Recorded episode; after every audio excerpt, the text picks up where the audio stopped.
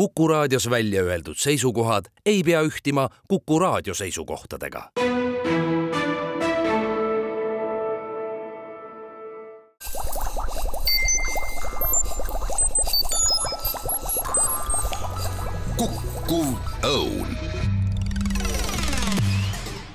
Head Kuku kuulajad, Kuku Õun eetris. täna olen külla kutsunud Tartu Ülikoolist kaks kliimaasjadega kursis olevat inimest. Piia Posti, kes on Füüsika Instituudi kliimateaduste professor ja Velle Tolli, kes on sama instituudi kliimafüüsika kaasprofessor. ja miks ma seda teen, on see, et järjest rohkem ja rohkem tuleb selliseid apokalüptilisi uudiseid maailma kohta, kus küll Antarktikas juhtub miskit ja sellest ka me räägime. Ja Indias on suurte linnade kohal paksud pilved täis kõikvõimalikku mikroosakest ja mida kõike veel. Ja mis peamine, Tartu Ülikoolis anti välja kliimamuutuste abc nimeline koguteos, mis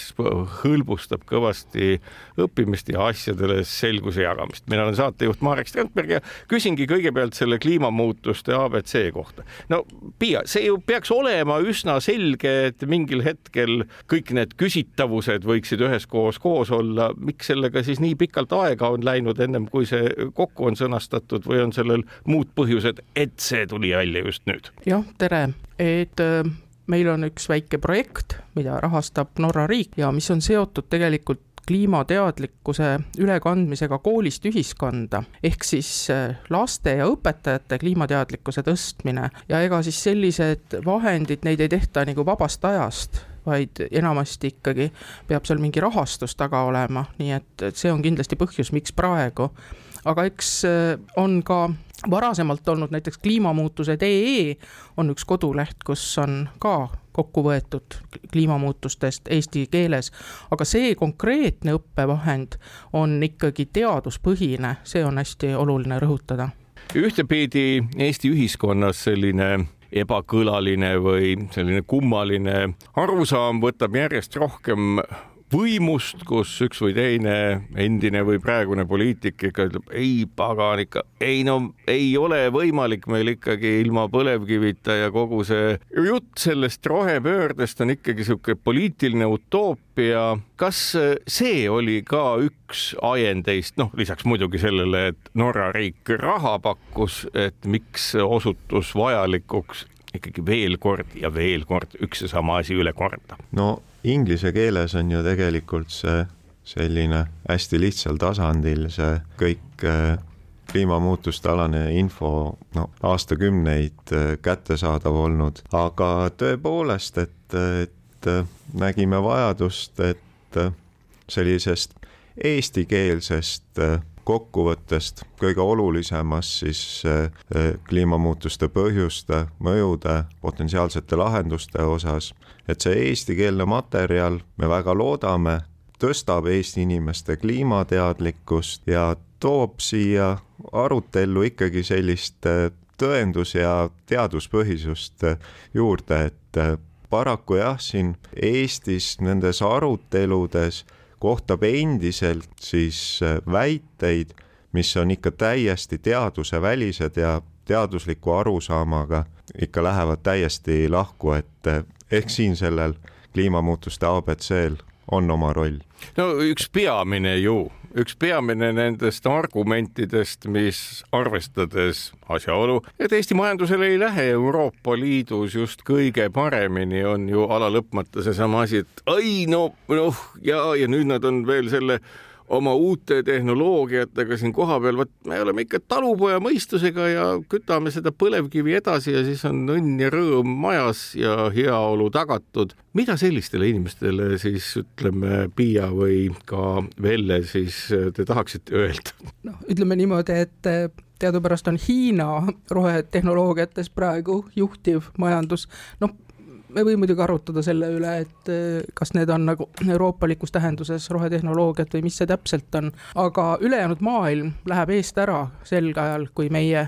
paigal seisame ja kui meie neid asju tegema ei hakka, praegu ja kohe või neid otsuseid oleks pidanud ilmselt juba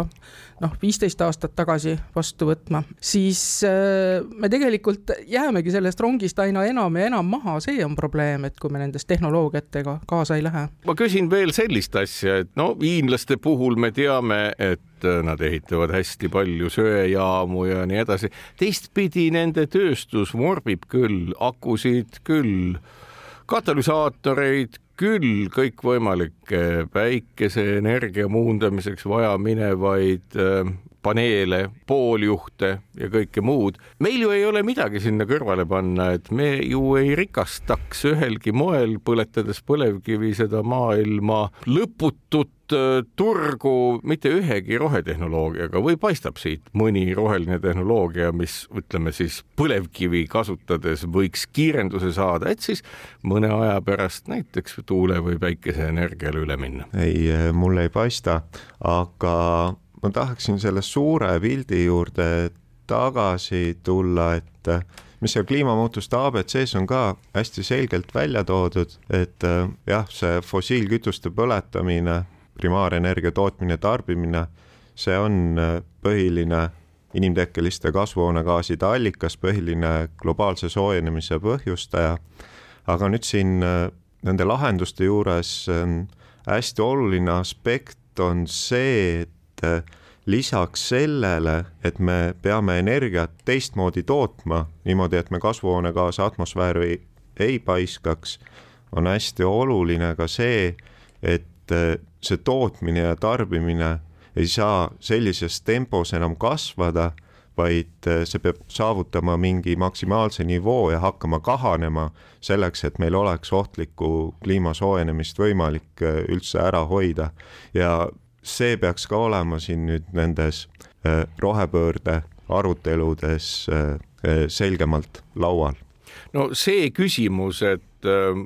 tõmbame oma tarbimist kokku see kostub väga paljude selliste tavamajanduse apologeetide jaoks justkui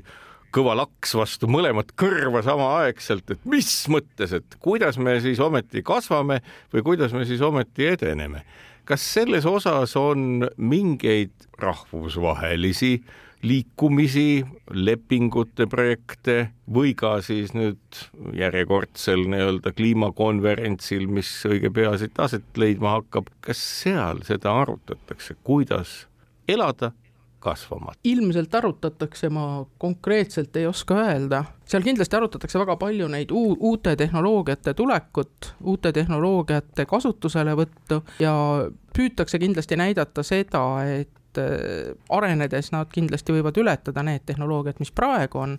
Aga teine asi on, et meil siin õppevahendis on ka üks selline küsimus, et mis on õnn. eraldi, eraldi äh, küsimus või eraldi ülesanne on, et mis on õnn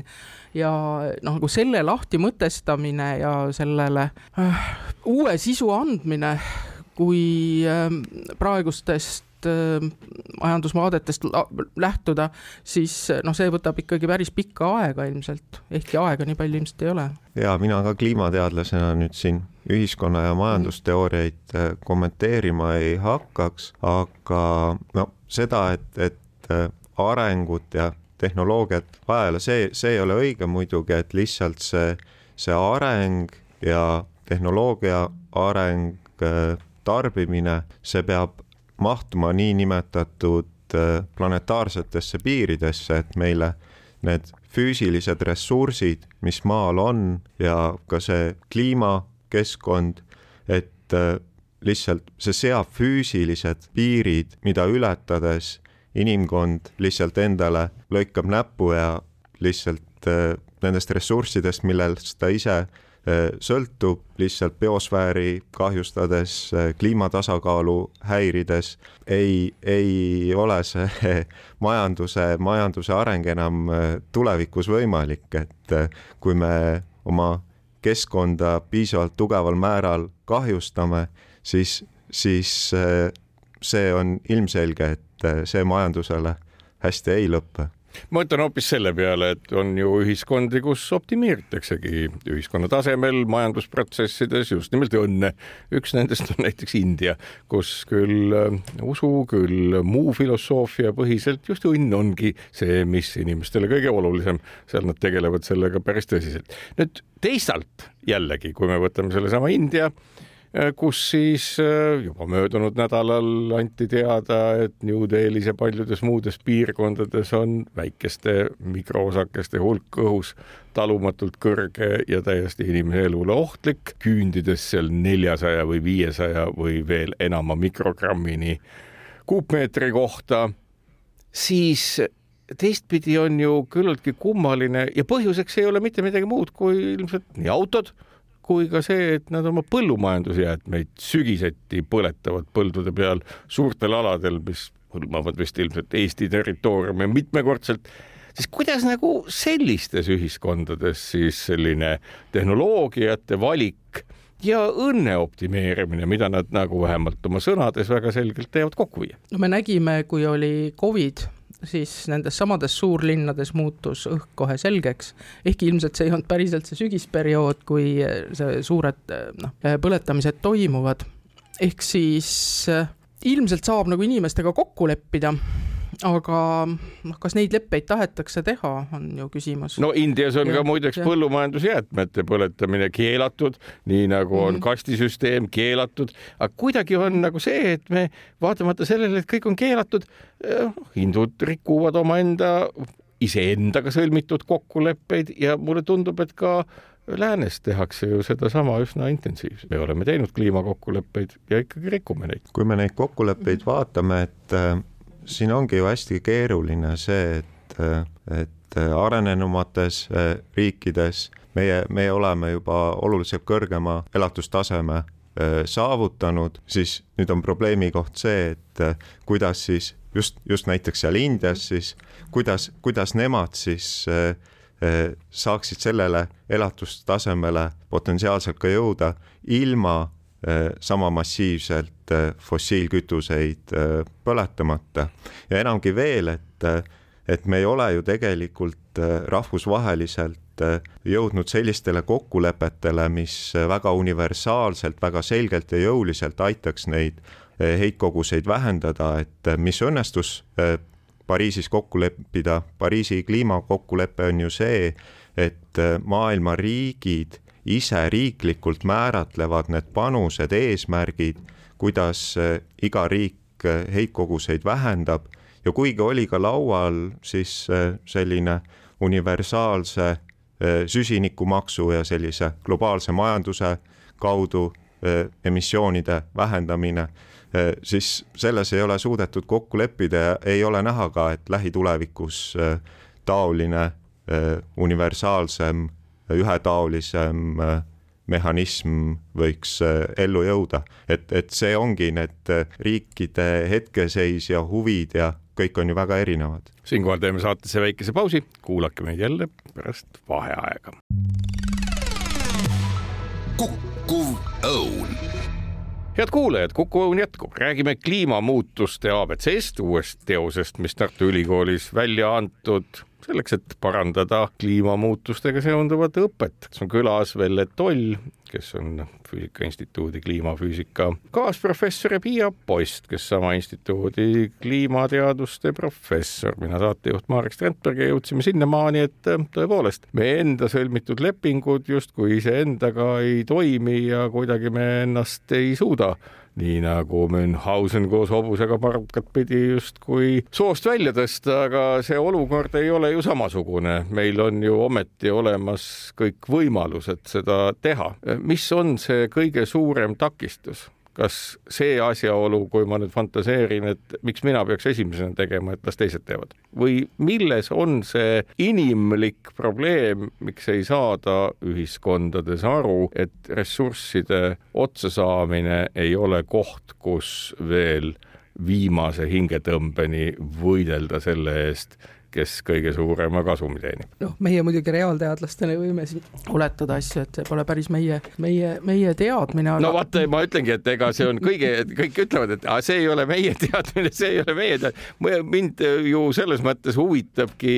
noh, emotsionaalselt või ka no, kuulajad see, et mis siis on see väljapääs, et ega ju nüüd nii ka ei ole, et reaalteadlane ühiskonna peale üldse ei tohi mõelda, vastupidi, äkki peab. no ikka tohib, ikka tohib mõelda ja oma reaalteaduslike mudelitega suudame me päris hästi tulevikku minna. ütleme niimoodi, et paremini ilmselt kui ühiskonna arengumudelid lähevad, nii et aga ka seal on päris suured määramatused selles, selles osas, eks ju, et missugune see tulevik saab olema, nagu siin projekt ütleb ütleb, eks me püüame siis ühiskonda võimestada teadmiste kaudu, et neid kliimamuutuste mõjusid vähendada. see tähendab seda, et et äh, tuua teadmist, sellist teadmist inimesteni, mis tõepoolest on äh, noh, teaduspõhine, on tõenduspõhine, mis on usaldusväärne. Ja tuua ka nagu see erinevus välja, et mida rohkem me lähme ühiskonna käitumise poole, seda e-, ebamäärasemaks meie teadmine muutub. Ja noh, mingis mõttes tundub, eks ju, et, et me noh, meil on siin mingid kokkulepped võimalik sa saavutada,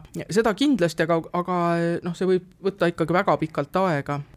ma vastaks niimoodi, samamoodi nende, seesama kliimamuutuste abc õppematerjali põhisõnumite kaudu, et äh, nüüd see, et äh, kliima soojeneb, äh, kliimamuutus on inimtekkeline ja et kliimamuutused kahjustavad loodust ja inimühiskonda, kindlasti on küllalt palju neid inimesi, kellele see osa ei ole ka lõpuni pärale jõudnud, et, et kindlasti me peame tegema kõik, mis võimalik, et selline väga selge teaduspõhine info, et selline teadmine, see inimesteni selgelt jõuaks, aga loomulikult ka siis selles lahenduste eh, osas, siin on kaks suurt aspekti esiteks siis äh, nende kasvuhoonegaaside heitkoguste vähendamine, soojenemise pidurdamine peatumine, aga teiseks ka kliimamuutustega kohanemine ehk äh, lihtsalt nendeks vältimatuteks kliimamuutusteks paremini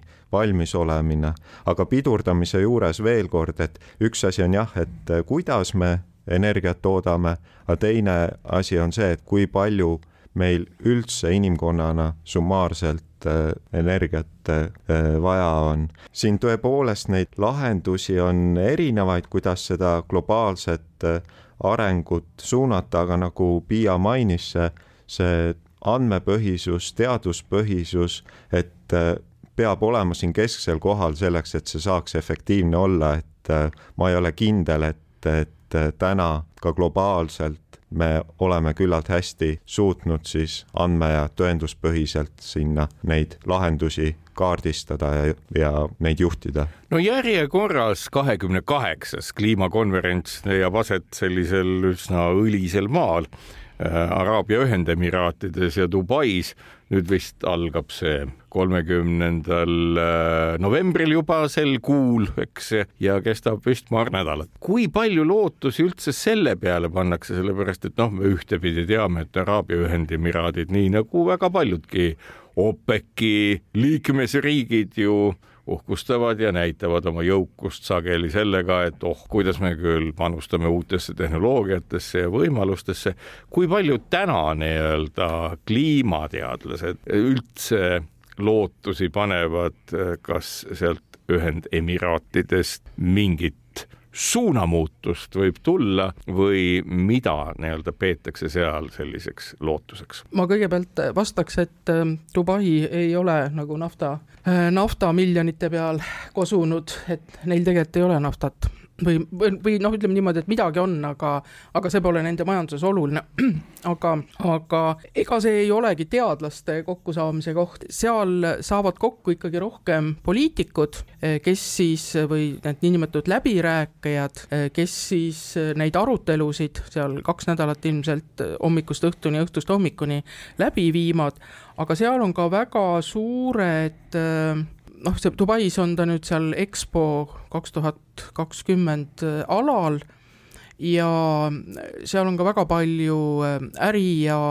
ettevõtluse inimesi. nii et äh, eks seal promotakse päris palju just nimelt neid erinevaid rohetehnoloogiaid, kõikvõimalikke selliseid asju ja tehakse väga palju se sellealaseid kokkuleppeid. aga noh, ega, ega minu, minu jaoks on ka natuke müstiline, et äh, ilmselt saab seal kokku umbes kuuskümmend tuhat inimest, mis on väga-väga suur hulk rahvast. Äh, see on ikka, see on ikka ju peaaegu aga... Tartu linna jagu inimesi just, just, et küsimus on just nimelt selles, et et kõiki asju ei saa teha internetis, kõiki asju ei saa lihtsalt Äh, lugeda ja õppida, vaid inimesed peavad omavahel suhtlema. nii et tõepoolest, see on niisugune suur, suur noh, niisugune laat, kus hästi palju inimesi omavahel saab kokku ja nad tõepoolest näevad, kuidas see asi välja näeb ja noh, saavad otse, otsekontakte, ma arvan, et see on hästi oluline kindlasti. ja ma arvan, et neid arenguid on oodata küll, kas just, kas just suuri nüüd sellel kopil, aga, aga võib-olla ehk, ehk siin lähitulevikus, et kindlasti teatud muutus on toimunud just siis äh, seda ilmselt selle tõttu, et äh, need kliimamuutused on täna kohal mm, -hmm. et äh, väga paljud riigid on oma riigis näinud, missugust kolossaalset mõju siis kliimamuutus siis nii looduskeskkonnale kui siis inimkannatuste näol omab ja no kui, kui nagu see tänane poliitika võib viia sajandi lõpuks ligi kolmekraadise globaalse soojenemiseni ja me praegu oleme umbes poolel teel alles sinna,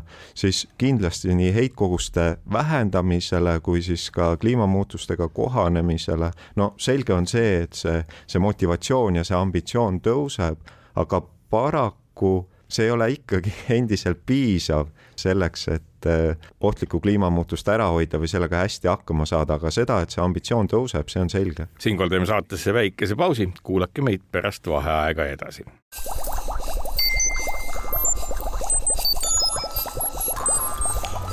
kukkuv õun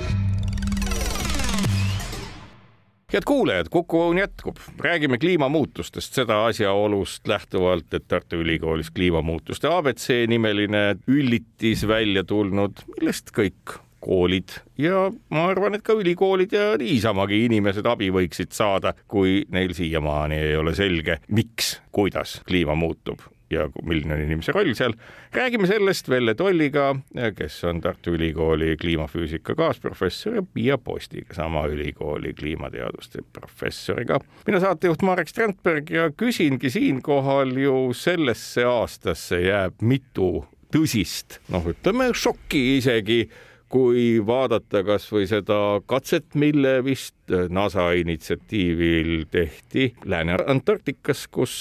mõnesaja meetri sügavune auk puuriti, sinna robot sisse lasti ja ohohoo, mida seal avastati, meeletu liustiku sulamine, millest kellelgi aimu ei olnud. kui palju sellised äh, üllatused tegelikult äh, panevad meid äh, muretsema ja mõtlema selle peale, et kui palju tegelikult muutusi on juba selja taga ja me ei ole neid veel tänase päevani avastanud, sellepärast midagi samasugust on ju ka tänasel hetkel Gröönimaal ja et äh, ma alustaksin sellest, et äh, on väga selge, et kliimamuutus on inimtekkeline ja, ja üheksakümmend protsenti tööstusrevolutsiooni järgsest kliima soojenemisest on kindlasti inimtekkeline võib, võib-olla, võib-olla ka kuni sada protsenti, et see looduslik roll on seal küllalt väike, aga siiski nüüd tulevikku vaadates või neid mõjusid vaadates me ei tea kõiki neid mõjusid lõpuni täpselt ja e, me saame paljudel juhtudel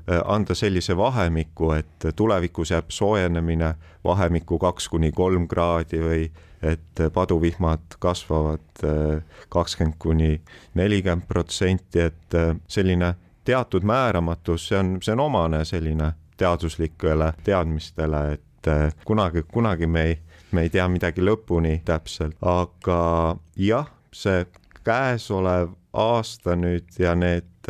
soojarekordid on ka kliimateadlasi mõnevõrra üllatanud, et selles, et need kuumarekordid globaalselt on sündinud, selles otseselt midagi ootamatut ei ole ja, ja see suvi oli isegi veel, veel mõnevõrra ootuspärane, siis need sügisesed, sügisesed kuumarekordid nüüd, see soojenemine on tõesti olnud niivõrd järsk, et praegu kliimateadlased siis töötavad, töötavad äh, palehigis selle kallal, et äh, täpsustada, kas see parim hinnang siis soojenemise kiirusele, soojenemise tugevusele, kas, kas see peab paika või võib see soojenemine tõepoolest olla veelgi kiirem, kui meie senised äh, parimad hinnangud näitavad. ja isegi kui ta on tugevam, siis noh, ilmselgelt ta jääb ikkagi sinna määramatuse piiresse, et on teatud vahemik, kuhu see soojenemine sajandi keskpaigaks, sajandi lõpuks jääb, aga see tänane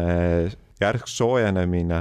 see, see on mõnevõrra eh, üllatav ja ei tundu ainult selle El Niño nähtusega eh, selgitatav. ma lisaks siia juurde veel jah, et, et vaatame seda asja hoopis teise külje pealt, et meie mõõtmissüsteemid on praegu jõudnud sel-, selleni välja, et me tegelikult oleme suut-, suutelised neid muutusi üsna täpselt registreerima ja noh, varasemalt, eks ju, me ei puurinud sinna sisse, seal, sinna niisugustesse sügavustesse või noh, teine koht, mille kohta meil samamoodi on hästi vähe informatsiooni, on ju süvaookean. teadmised, mille kohta on ju ka kas modelleerimisel või siis noh, füüsikalisel äh, arusaamal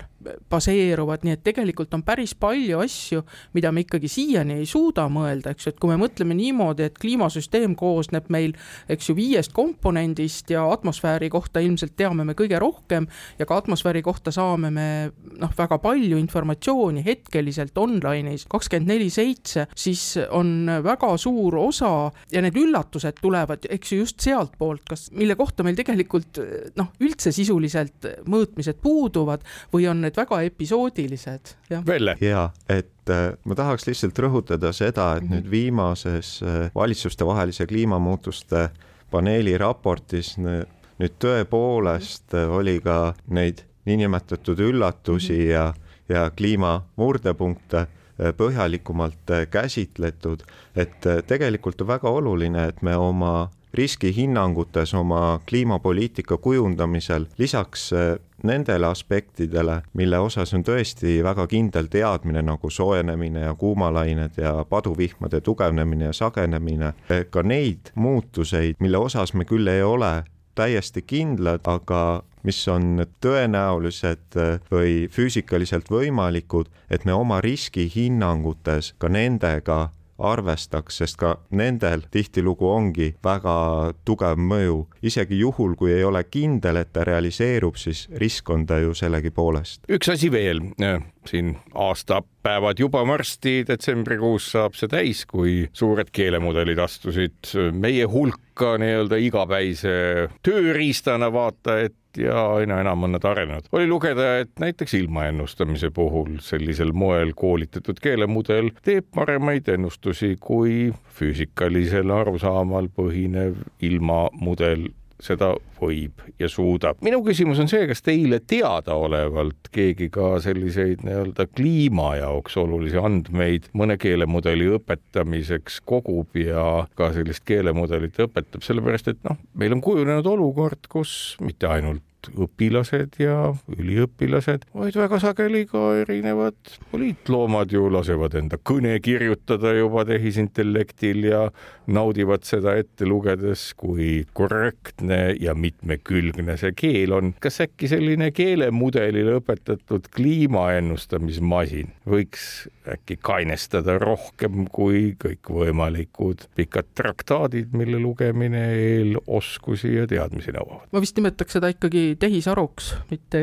keelemudeliks. sinna vahele Aga... vist ei ole väga üldse midagi pandud, et need ongi enam-vähem samad suur keelemudel või tehisaru äh, tundub olevat üks ja seesama või ei ole? Mm, ma ei ole kindlasti ekspert sel alal, aga no,. võib-olla ma ka eksin, ega see ja, ei loe. mina, mina nimetaks jah seda tehisaruks. tehisaruks, nimetame tehisaruks. aga ütleme niimoodi, et ähm, ainuüksi nüüd seesama tehisaru tegelikult ei suuda ilma ennustada, eks ju, et meil on kõigepealt tarvis ikkagi andmeid, siis need andmed tuleb ikkagi äh, kuidagi viia sellisesse seisundisse, et me saame mudelile anda mingi algoleku ja nii edasi, onju, ja sagedasti seda tehakse ikka ikkagi nendel samadel noh, vanadel meetoditel või on ka palju uuemaid ja palju kiiremaid ja mis, milles kindlasti see tehisaru ületab neid füüsikalisi mm, mudeleid, on see, et kiiruses ja odavuses, see on nagu selge. et see on ilmselt pikka aega selge olnud, me siin arutasime eile või üleeile, kuna Vellega arutasime, et noh, et, et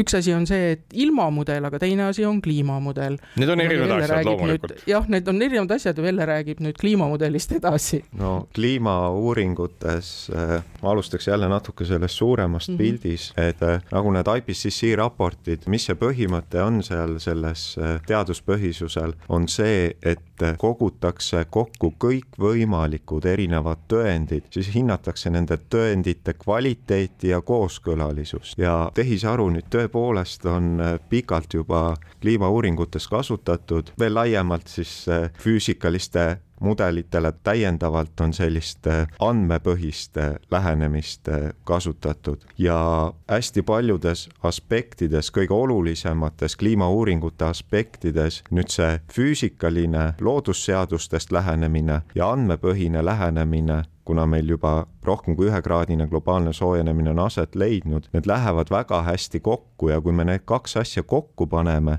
saame me tunduvalt usaldusväärsema ja täpsema pildi ka selle kohta, mis meid siin lähiaastakümnetel kliimamuutustega ees ootab, et äh, jah, tehisarust, andmepõhisusest, lisaks füüsikalistele mudelitele on kliimauuringutes juba, juba tohutult kasu olnud. ma just mõtlengi, et ega ju see odavus on ju võtmeküsimus paljudel puhkudel, kui üks või teine pankur või ka, ka poliitik, kellel nagu avatum meel tahab mingit otsust teha, siis alati ta peab millegi peale toetuma oma otsuse tegemisel. selles mõttes ju tehisaru või keelemudel või kuidas me teda iganes ka kutsume, võiks ju olla selline hea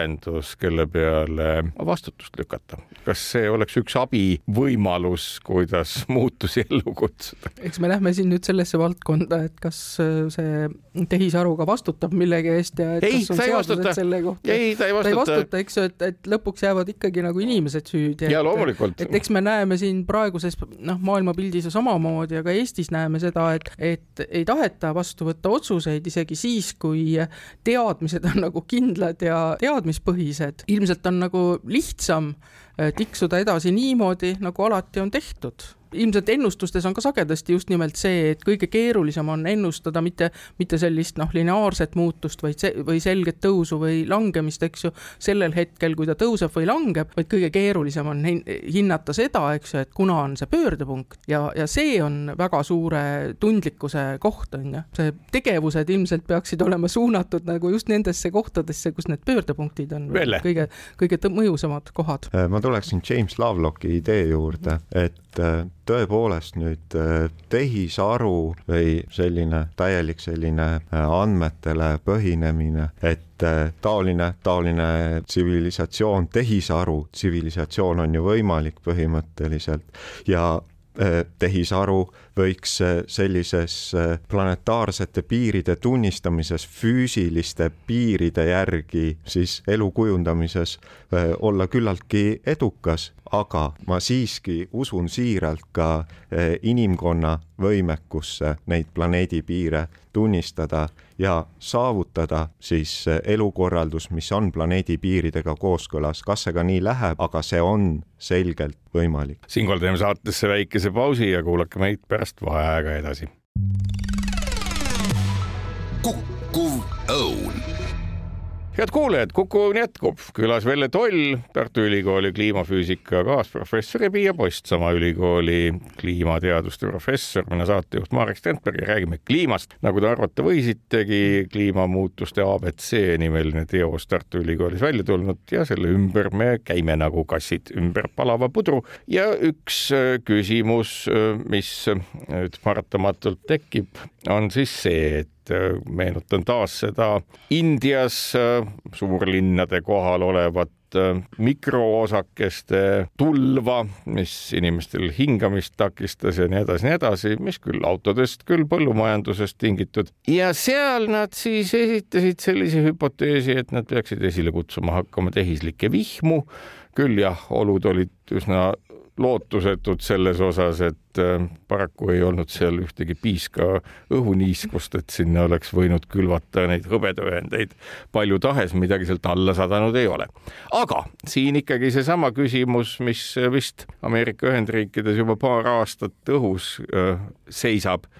et äh, milline see pöördepunkt olema peaks, et inimestel tekiks nagu see tunne, et no pagan, no me ju teame, et kui külvata sinna atmosfääri kõrgele mingisuguseid osakesi, siis valgust ei tule maa peale nii palju ja maa hakkab jahenema. Või siis teistpidi, et kui me valame ikka, ma ei tea, sada tuhat tonni või viissada tuhat tonni rauaühendeid Lõunamerre et Lõuna-ookeanis siis, mis Antarktika ümber, et küll seal siis vetikad hakkavad vohama ja seovad meie vastiku süsihappegaasi ühel või teisel moel ära. kas selline tunnetuse piir on ka olemas ja kas selle üle ka diskuteeritakse? tõepoolest, globaalne kliima on määratud siis tasakaaluga kliimasüsteemis neelduva päikesekiirguse ja maalt lahkuva soojuskiirguse vahel ja kui kasvuhooneefekti kaudu Eh, siis me nüüd seda soojuskiirguse eh, eh, osa kaudu siis seda bilanssi häirime, siis võimalus maad jahutada on siis selle kaudu, et rohkem päikesekiirgust tagasi maailmaruumi peegeldada. et põhimõtteliselt selliseid arusaamad, kuidas seda teha ja isegi suurel määral tehnoloogiline võimekus, et seda teha, on olemas. et selliste süsteemide väljaehitamine, katsetamine, see kõik muidugi võtaks aastaid aega, aga nüüd eh, siin on väga suured riskid eh, selles osas, et eh, taoline planeedi jahutamine ei saa mitte kunagi täpselt tasakaalustada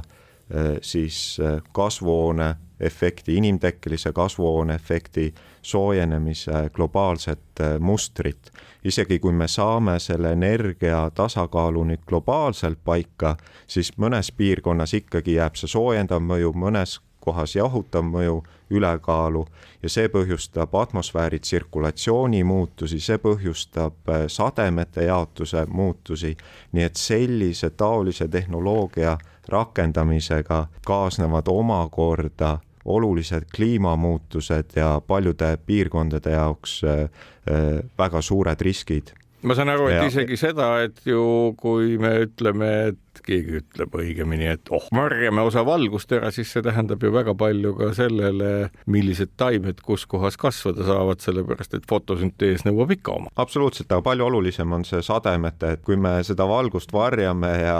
eh, vesi enam eh, sellisel määral ei aurustu ja sademeid ei tule, siis see palju kiiremini teeb selle taimede kasvu võimatuks, et me nüüd nii palju seda valgust varjaks, et, et seda eh, fotosünteesiks üldse enam ei piisaks, et see sademete defitsiit äh, tekib, tekib palju varem. ehk et seesama lootus, mida väga sageli siis ka Ameerika Ühendriikides ja kus iganes nii-öelda, ah, et pole midagi, et meil on siin tagataskus olemas väga hea lahendus, teeme nii, naa või kolmandat moodi ja pange tähele, kõik probleemid lahenevad, et see on nii robustne, kuidas kunagi nii-öelda parandati värvitelereid või tavalisi telereid mis Nõukogude Liidus toodetud, et oli teatud nurk, kuhu peale rusikaga virutati ja aeg-ajalt tuli pilt tagasi. ehk et see on kliima mõttes sama riskantne, pilt võib tagasi tulla, aga võib ka eest ära minna. ma ütleks niimoodi, et seal on suured riskid äh, taoliste meetodite planeeti jahutavate meetodite rakendamisel, geoinseneerial, aga see võib potentsiaalselt äh, olla, eriti niimoodi lokaalselt teatud piirkondades äh, võib olla see lahenduseks, aga kuna need riskid on nii suured, siis selleks, et sellist äh, tehnoloogiat rakendada, on vajalik ülimalt äh, pikaajaline ja põhjalik uurimistöö nende riskide mõistmiseks, et täna me isegi lõpuni ei mõista neid riske, aga potentsiaalselt võib see olla osa lahendusest, aga siin on jällegi see risk, et, et nüüd, kui eh, leitakse, et see eh, planeedi jahutamine isegi on õigustatud, siis samal ajal võib tekkida ju kiusatus siis seda kasvuhoonegaaside heitkoguste vähendamise eh, tempot aeglustada ja mõelda, et oh, põletame fossiilkütuseid edasi ja jahutame kliimat, et, et mis on jällegi suur probleem, et niimoodi tõenäoliseks suureks lahenduseks mina seda ei julge pidada ja selle kohta tõendid täna puuduvad, aga potentsiaalselt võib see osa lahendusest olla. kas võib öelda, et täna ei ole ka väga selget ettekujutust sellest, kas nii-öelda tarbimist vähendades, süsihappegaasi emissioone vähendades, kõikvõimalikke muid protseduure, mis täna arusaadavad on meile tehes, lämmastikuringet kontrollides ja kõike muud tehes, kas üldse on lootust, et nii-öelda kliimasüsteem pöördub tagasi enam-vähem täpselt sellesse olekusse, kus me oleme sellega harjunud, milliseid muutusi me oleme kogenud viimase kaheksasaja tuhande aasta jooksul ja millega inimestena toime tulnud. või on tänasel hetkel juba see olukord, et see uus tasakaalupunkt, kui see ka saavutatakse, on hoopis teistsugune, kui me harjunud. no see, jah, see on see pööratavate protsesside küsimus, eks ju, et kas me oleme sealt, sellest üle läinud või mitte, et et äh, ma arvan, et me ei oska seda öelda tegelikult. küsimus on selles, eks ju, et missuguse detailsusega me eeldame seda, seda mustri taastumist. et üks asi on tõepoolest jälle seesama globaalne tase, mis ilmselt on saavutatav, aga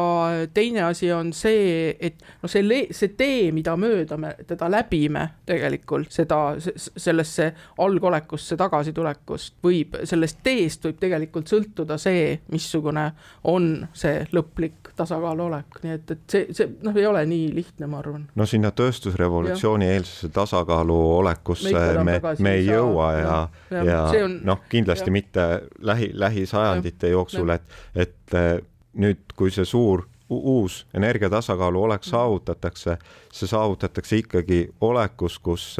kasvuhoonegaaside kontsentratsioon atmosfääris on kerkinud mm -hmm. ja nüüd, kui me täna läheneme sellele pooleteistkraadisele soojenemisele, siis kui me nüüd äh, kasvuhoonegaaside õhku paiskamise lõpetaks, siis mõnevõrra siin äh,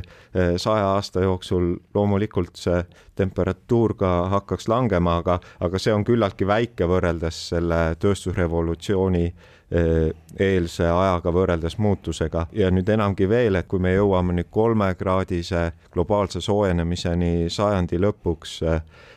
siis noh, kui me suudame selleks ajaks siis fossiilkütuste põletamise lõpetada ja kasvuhoonegaaside atmosfääri paiskamise lõpetada, siis saavutame uue tasakaalu oleku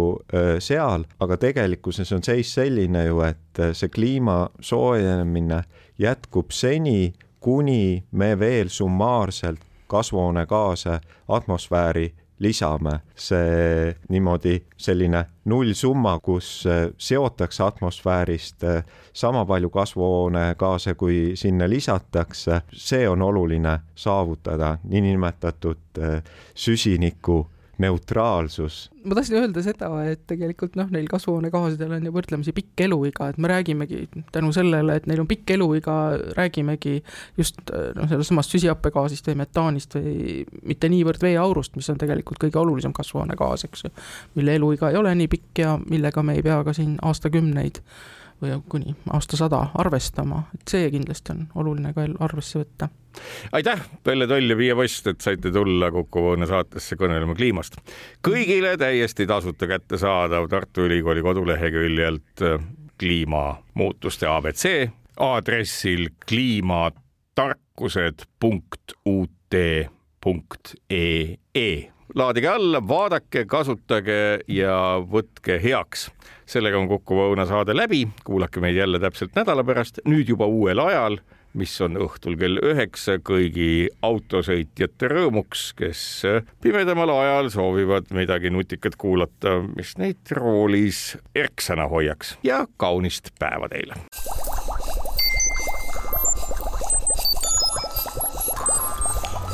kukkuv õun